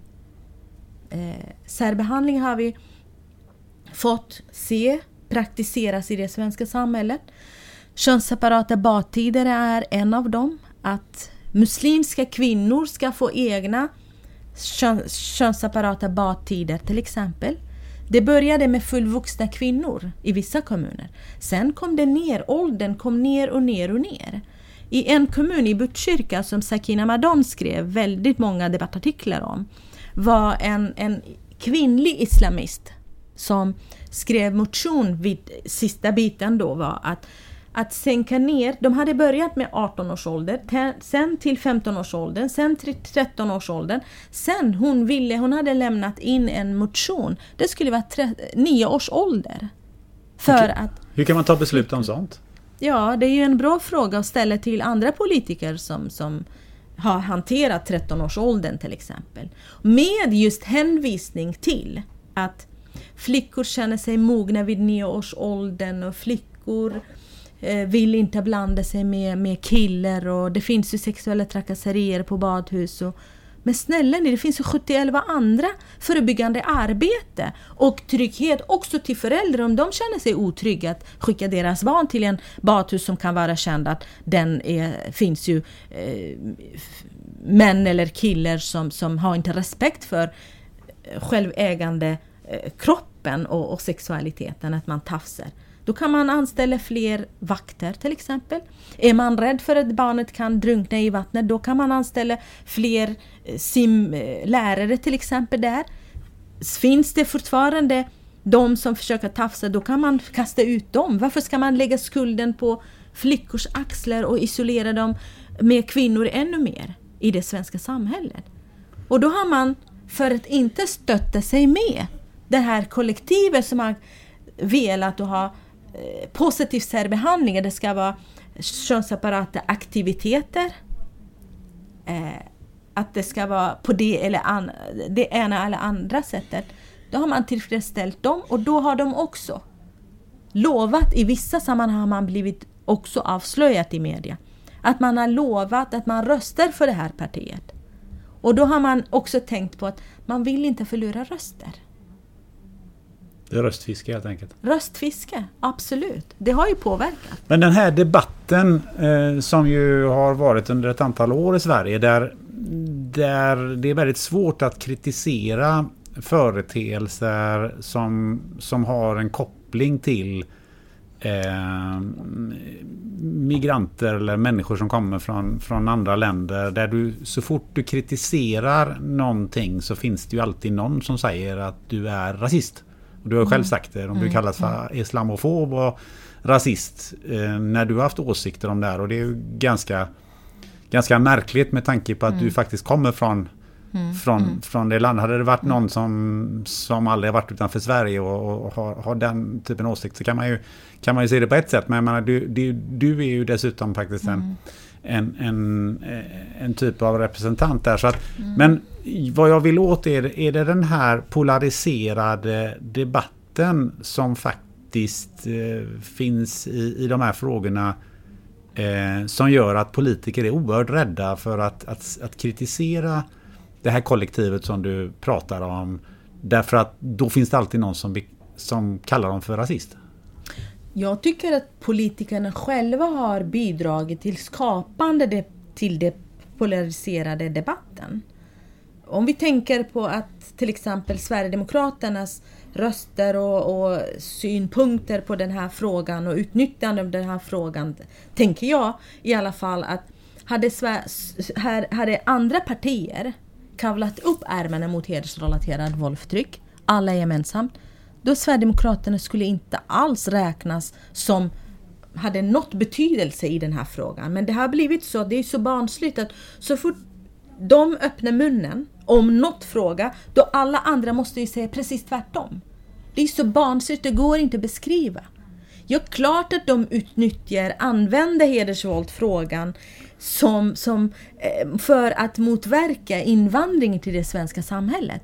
Men det betyder inte att de, det de säger om till exempel barnäktenskap är skadligt för barn, könsstympning är barbariskt. Det är en fakta, jag kan inte säga att Jimmy Åkesson eller någon annan ljuger om det. Det var ju en gång en tv-program där eh, på, hos Aktuellt tror jag var Jimmy Åkesson och Gudrun Schyman. Som eh, Jimmy Åkesson hade bild på Sakina Mohammadi Ashtiani. och vi ser att det är hennes bild. Just nu, just nu visar eh, Sara upp ett tepåse. ett tepåse. Ja, att, att han visade ju det här att ja, titta Shiman, det här är eh, enligt sharia-lagar, hon har blivit stenat, eh, dömd till att stenas till döds enligt sharia-lagar i Iran. Det var ju för många år sedan. Jo, Sakin, eh, Gudrun Schyman sa allt annat än att säga jo, det här stämmer, Jimmy Åkesson. Det är precis som du säger, hela världen har fått veta att Sakina Mohammadi Ashtiani har blivit dömd för stening i Iran. Men det är samma Jimmy Åkesson som inte tillåter att Sakina Mohammadi Ashtiani och hennes medsystrar som flyr hedersmord att komma in till Sverige. Att det är du som vill begränsa invandringen till det svenska samhället även till de som verkligen flyr för sina egna liv. Du har inte något där. Jag menar att, att, att säga bara att du är rasist, du säger så, det räcker inte. Så då tror jag att rasistkortet har blivit mindre användbar senaste två åren, upplever jag i alla fall. Att man tar inte fram rasistkortet hela tiden. För det är inte rasistiskt att, att säga att hedersmord är barbariskt. Det är inte rasistiskt att säga att samhället har ansvar för flickors hälsa. Vi har, alltså jag känner mig mer, mer stressad över Agenda 2030 hur svenska staten ska lyckas där man har skrivit under klart och tydligt att vi ska lyckas med jämställdhetsmålen. Det är också delar av svenska regeringens jämställdhetsmål. Där står klart och tydligt i punkt 2 på eh, eh, vad heter det? Eh, 17 olika mål är det. Del, del av mål 5 Del 2 av mål 5 står det klart och tydligt att olika stater ska lyckas att stoppa skadliga sedvänjor såsom könsstympning och barnäktenskap. Vi, I Sverige är vi väldigt duktiga på att prata om könsstympning och barnäktenskap i andra länder med biståndspengar och kritisera olika länder och ösa pengar på olika organisationer där ute. Men här har vi, tog ju lång tid innan svenska politiker pratade klarspråk om att det ska vara förbjudet barnäktenskap i det svenska samhället. Och att man ska anmäla eh, och man ska se signalerna om könsstympning på mycket bättre sätt och tillsätta eh, mer förebyggande arbete mot könsstympning till Sverige till exempel. Vi har kriminaliserat könsstympning sedan 82. Hur många år är det? Ja, det är sedan 82. Och vi har bara tre fällande domer. Den siffran säger en hel del. Medan Socialstyrelsen säger att vi har, de har beräknat utifrån de länder man kommer ifrån, att vi har 38, minst 38 000 drabbade flickor och kvinnor av könsstympning i Sverige. Men de har inte blivit könsstympade i Sverige utan de har kommit... Några har blivit könsstympade i Sverige. Förekommer det i Sverige? Absolut. Några har blivit könsstympade under semesterresor till olika länder på sommaren eller under jullovet. Och majoriteten av dem har varit redan könsstympade innan man kommer till Sverige. Nu börjar vi komma till den delen där man kan börja fundera på men vad gör vi åt allt det här? Och jag vet, du har ju, du har ju startat den här organisationen och ni gör ju en hel del saker. Så jag skulle egentligen vilja veta två saker. Dels um, vad, vad är det bästa sättet för det svenska samhället som sådant? Då talar jag polis, skola, migrationsverket, eh, sjukvården, eh, politiker och så vidare. Kan du, kan du sammanfatta de, de här sakerna tycker jag att, att man borde göra? Kan man sammanfatta det och sen också lite grann om vad, hur ni bidrar eh, från GAPs sida till att faktiskt förändra den här situationen och allt det som vi har pratat om nu? Mm. Det var en stor fråga. Ja. Jag kan kanske utgå från våra egna förslag på åtgärder och be politiker att, mm. att, att mm. ta till sig de förslag som vi snart kommer ut. Vi har haft eh, förslag på 12 förslag på åtgärder.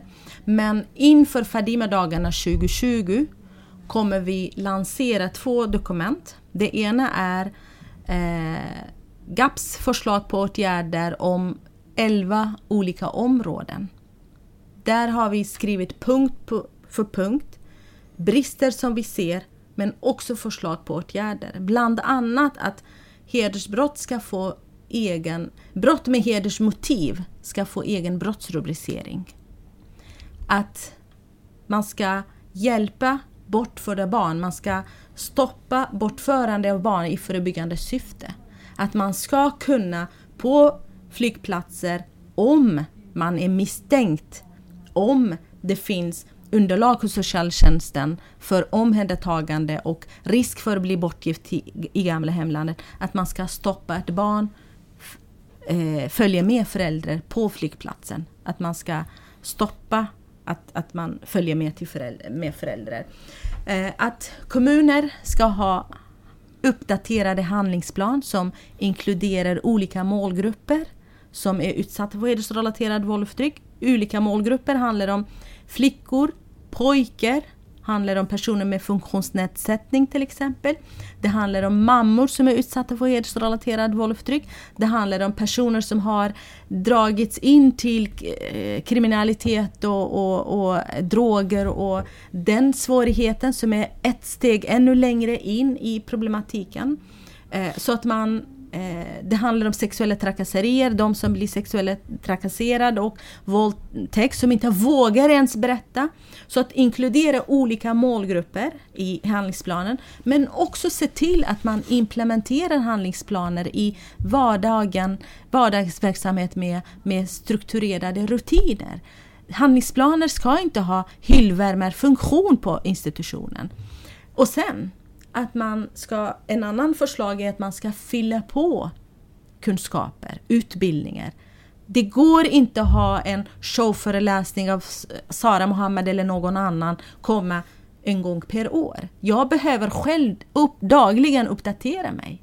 Vilka strategier man använder, vilka, hur debatten fokuserar på en fråga, eh, hur man försöker till exempel nu för tiden har blivit eh, en mode att man inkluderar eh, muslimska eh, flickor och kvinnor med att marknadsföra kvinnoförtryckande symbolen slöjan till exempel på små flickor i olika tavlor och olika kommuner. Man kan inte inkludera i muslimska flickor med att marknadsföra ett tvångsplagg som dagligen miljontals kvinnor i Iran, i Saudiarabien, i många olika länder kämpar mot det för att frigöra sig. Där dagligen man, man bestraffar dem med piskning, med fängelsestraff.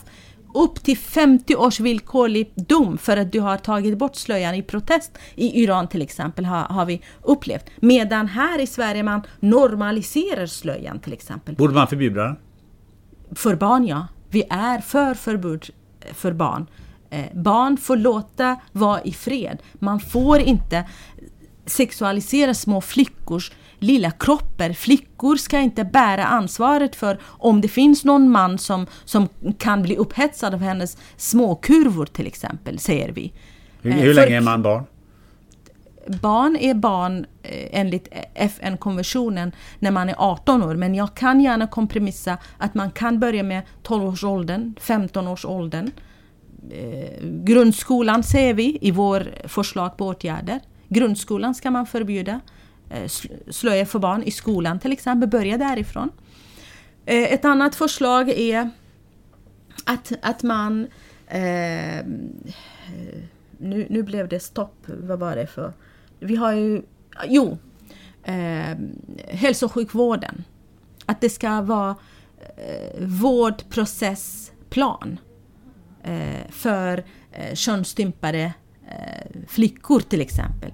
När man har Eh, när man har olika sjukdomar, då har man vårdprocessplan. Man följer med, man följer upp.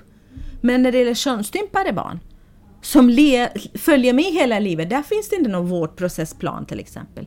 Så att en av de förslagen, eh, eh kriminalisera oskuldskontroller, absurda oskuldskontroller på våra vårdcentraler. Vad är det för något? Ja, att, att Kalla fakta avslöjade tre vårdcentraler i Sverige där man hade man tvingade en, en 18-åring som var fejk, att man, man åkte ju och fasten hade beställt tid, bokat tid, att 18-åringen eh, skulle bli undersökt om hon har mödomshinnan kvar eller inte. mödomshinnan som inte finns så skulle den stoppa två finger i hennes underliv eller operera eh, mödomshinnan som inte finns för att sy ihop den, tänker man. Så att, att man lurar familjen att hon ska blöda. Det är kravet att man ska vara eh, oskuld eh, innan man, man blir bortgift till, till sin äkta man. Eh, så att man eh, kriminaliserar eh, görandet eller genomförandet av oskuldskontroller. Absurd medan, med, medan hela vetenskapen säger att det finns inte någon mödomshinna. Det handlar om hur din kropp ser ut, hur nervös du är, hur många gånger har du träffat människan och lärt känna människan, vilka känslor du har för människan du ska ha sex med, hur, hur hans eh, könsorgans storlek ser ut i jämförelse med din lilla kropp. Det är då man, ibland man, man spricker hela underlivet när man har sex första gången. Det är det som är blödningen som kommer ut. 70% inte alls blöder när man, när man eh, har sex för första gången. Men att det pågår fortfarande. Att, att man ger intyg att allt är normalt. Om allt är normalt, varför ska du behöva ge intyg? Vem tillfredsställer du behovet? Det är traditionella och religiösa föreställningar av flickans kropp och sexualitet som du tillfredsställer, inte flickans behov.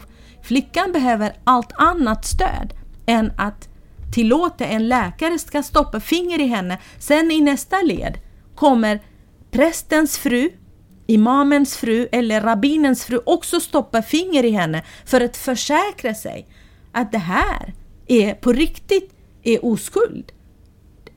Och med, parallellt med det pågår försäljning av blodpåsar på internet. Googla gärna på det. Va? Där man säljer blodpåsar för att lura familjen. Det är ju handels, handelsvaror, flickor, i, i vårt samhälle, i hela världen. Varför ska vi köpa eller sanktionera myten om mödomshinnan med att, att inte ge, ge konsekvens till de tre läkare som blev avslöjade? Ingen av dem fick le legitimationen dragen. Det borde de få för att bli en signal, förstärkande effekt till de andra som idag gör det tyvärr. Du hör ju, jag, jag kan Ja, men det, det är jätte, jättebra, jätte, jätteintressant. Man blir så upprörd när man, när man ser, hör utsattas berättelser dagligen. När vi i nästa steg kämpar för deras rättigheter och sen i tredje steg blir vi stämplade av 71 olika stämplar som inte har något med oss att göra. Men det alltså, kom... Det, det, jag får ju också brev av rasister. Att idioten, packa din jävla väska, åk tillbaka till ditt födelseland eh, och, och, ta bort din skit som ni har tagit med er. Använd inte våra skattepengar till er skit som ni har tagit med er hit. Ena sidan är vi kläm med rasister som inte vill att vi ska finnas. Vi ska bara åka hem. Andra sidan är det mörka krafter och kulturrelativister som försöker stämpla oss för att vi är rasister eller islamofober. Samtidigt, parallellt med det vi dagligen räddar liv, mentalt eller verkligen fysiskt. Vet du, vår lilla organisation har hämtat hem nio bortförda barn och kvinnor under 2018. Mm. Nio stycken. Där svenska staten har misslyckats. Det här skulle vi kunna prata om ett bra, en bra stund eh, till. Och just det här med, med den här eh, religiösa biten som du är inne på. Men jag ska bara ställa en fråga kring det. Vad har du att säga till dem då som, som säger så här. Ja men vi har religionsfrihet i Sverige. De är, de, det är deras eh, religion och deras seder. Det kan inte vi svenskar lägga oss i. För då är vi rasister. Mm. Alltså till de som säger att vi har religionsfrihet i Sverige eh, säger jag absolut, vi har religionsfrihet i Sverige. Eh, att man får tro på sin Gud är en mänsklig rättighet. Man får gärna tro på sin Gud. Även om man vill tro på det här glaset. Då är det helt rätt att man vill tro på det här glaset. Så länge man inte säger att i och med att jag tror på det här glaset, då får jag använda min religiösa tro, använda Guds namn för att utöva makt över mitt barns liv, över min frus liv hemma. Då har ditt barn, din fru har precis som dig rättigheter och religionsfrihet, om det kallas för religionsfrihet, att vara fri från religionen. Och mänskliga rättigheter, att de, har, de, har egna, de är egna individer med sina egna rättigheter enligt svensk lag, enligt barnkonventionen, FN-konventioner, kvinnokonventionen. Religionsfrihet, jättegärna på det privata planet. Vad du tror på. Men inte för att kunna begränsa dina barn, för att kunna uppfostra dina barn utifrån att de könsdiskriminerande normer och värderingar som vi måste problematisera, både du och vi i det svenska samhället, för att leva i ett icke könsdiskriminerande land och kämpa för mer jämställdhet och demokrati och frihet för alla. Även för dig. Du sa ju precis att, att eh, ni har hjälpt att få hem nio barn. Um, jag tänkte avsluta med lite... Det sitt, finns ju ett antal, vad jag har förstått, eh, över 100 000 människor och ännu fler, och du har säkert någon bra siffra på det, som, som ju faktiskt idag sitter i, fast i ett eh, hederskultur, hederskulturrelaterat eh, våld av, på olika nivåer. Vad, vad är dina tre bästa tips och råd eh, om man känner förtvivlan och känner att det här vill inte jag vara med om. Vad, vad ska jag göra? Är du ung och går i skolan? Gå gärna till din skolkurator eller skolsköterska eller till en lärare du litar på. Berätta för den personen. Ta kontakt med GAPF. Vid akutfall, ta gärna kontakt med polisen. Ring ett signal till socialtjänsten. Tro mig, de kommer inte i första hand och ringa till, till dina föräldrar eller gripa dina föräldrar och sitta i fängelse. Det är långt ifrån att de blir gripna under samma tid om det inte är något pågående brott som begår mot dig. Få ta reda på de möjligheter som kommunen, socialtjänsten har att hjälpa dig. Se till att vi kan vara med som stöd till dig hos myndigheten. Vi kan erbjuda stöd även i din stad. Du kan komma till oss. Jag vet att det är svåra, mycket svårt att komma till, till Stockholm, men det går att komma till Stockholm med hjälp av socialtjänsten om du blir till exempel placerad eh, och få hjälp för att fly därifrån. Eh, vad jag ska mer säga, vi erbjuder psykologiskt stödsamtal, juridisk rådgivning, analytiskt stödsamtal. Vi följer med till sjukhus. Vi kan följa med till eh, rätts, rättegångar. Vi har chattar med oss. Vi har chatt eh, varje måndag och onsdag mellan klockan 19 och 21. Vi har också varannan tisdag har vi advokater som bemannar vår chatt helt på ideellt bas. Eh, Vox advokatbyrån hjälper oss med att chatta med utsatta eh, mellan klockan 8 och halv 10 på kvällarna eh, varannan onsdag. Eh, varannan tisdag hjälper oss dem. Eh, vi har... Eh, sitter du på skyddat boende? Känner du dig ensam? Ta gärna kontakt med oss. Vi kan erbjuda en kontaktperson på helt ideellt bas. Vi har hundra stycken utbildade stödpersoner där de erbjuder lyssnande öron. De erbjuder sitt engagemang, hjälper till. Eh, fika med dig kanske. Eh, käka middag med dig. Vi kan också hjälpa stödpersonen att, att ta en liten fritidsaktivitet med dig. Vi betalar för det. Så att, att du kan inte känna dig helt ensam. Vi, har, vi kan också erbjuda sommarläger till utsatta efter väldigt, väldigt säkra omständigheter. Vi har alltid säkerhetsperspektivet. Till eh, de som lyssnar på podden men inte är utsatta vill jag be er att Eh, bli engagerat i kampen mot hedersrelaterad våld och förtryck. Eh, så länge ni inte så länge ni känner er trygga i era värdegrund att, att se alla, allas rättigheter likvärdiga. Inte alla kulturer, allas rättigheter är likvärdiga. Inte när kulturen eller delar av religionen kommer i konflikt med mänskliga rättigheter. Då måste vi säga stopp till det. Men så länge ni känner er trygga i värderingar som handlar om allas lika värde, då ska ni vara väldigt, väldigt övertygade om att vi tillsammans måste problematisera eh, signaler av hedersrelaterad våld och förtryck. Eh, bli medlem hos GAPF. Stöd oss på annat sätt. Bli volontär hos oss. Eh, de utsatta som lever under hedersrelaterat våldtryck, eh, mer än 100 000 som du nämnde, de behöver vår alla stöd. Förstärk jättegärna kampen mot rasismen. Rasismen finns i det svenska samhället. Både mot invandrare i sin generella term men också mot muslimer särskilt.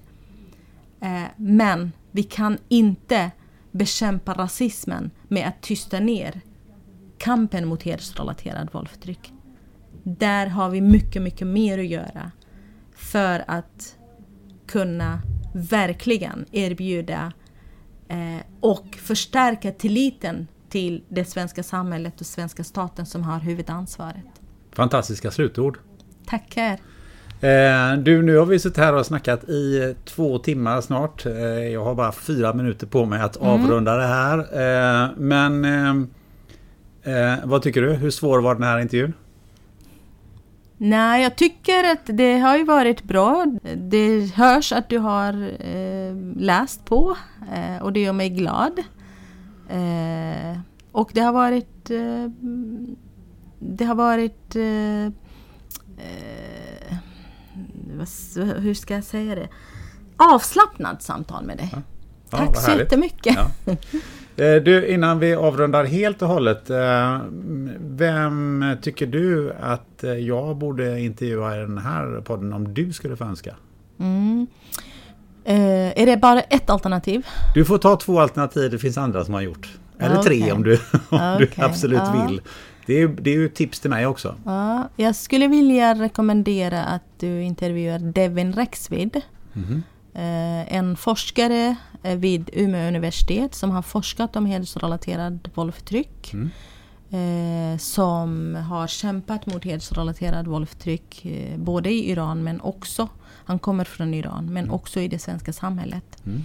Eh, och eh, den andra personen är Astrid Schlitter. Oh. Du kanske kan ha gemensam intervju med dem. Eh, de har tillsammans skrivit en bok som heter Mäns heder. Eh, en eh, litteratur, studentlitteraturbok. det skulle jag vilja gärna. Jag har lärt mig massor av de två.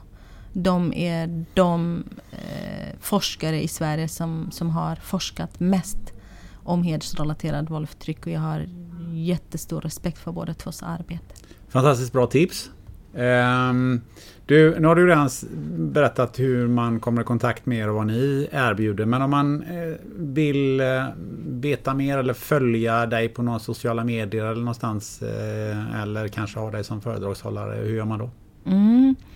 Eh, som föredragshållare kan man skicka, kolla på vår hemsida. Där står det bokadirekt.se inne på hemsidan utbildningen. Det finns ju tre pelare, utbildning, mm. stöd och eh, opinion. Men utbildning kan man eh, navigeras eh, att, att boka föreläsning av mig. Eh, direkt kontakt med mig står eh, på hemsidan också. Sara, mm. S-A-R-A, punkt. Mohammad, M-O-H-A-M-M-A-D, snabbel gapf.se. Eh, sociala medier heter jag Sara Mohammad, eh, precis som det låter. Eh, jag finns mer aktiv på eh, Facebook men jag vill gärna att de ska följa GAPs Facebook. Där står det GAPF streck glöm aldrig Pela och Fadime. Och sen har vi både Twitter och Instagram eh, om man googlar på riksorganisationen GAPF. så kan man följa. Perfekt. Fantastiskt många möjligheter. Eh, Sara Mohammed, ett stort, stort tack för det här samtalet. Tack så jättemycket för att eh, du tog dig tiden och intervjuade mig och lycka till med spännande eh, intervjuer framöver. Tack så hemskt mycket. Tack. Det skulle vara intressant att intervjua någon av våra politiker som efter det här samtalet tycker att det är okej okay att inte aktivt motarbeta varje form av hedersrelaterat eller religiöst förtryck. Tipsa mig gärna. Från detta nattsvarta men viktiga ämne så ska vi be oss in i framtiden i nästa avsnitt. Torsdagen den 23 januari så ska du få träffa Johan Österlund som är VD på Biohacks. Han förutspår bland annat att en miljon svenskar har ett datachip inopererat i handen inom 5 till 10 år. Missa inte det. Datachip eller grillchips, kanske du tänker? Ja, det senare är definitivt godare till något drickbart. Så sätt dig med en vän och njut av att vi går mot ljusare tider. Ha det gött!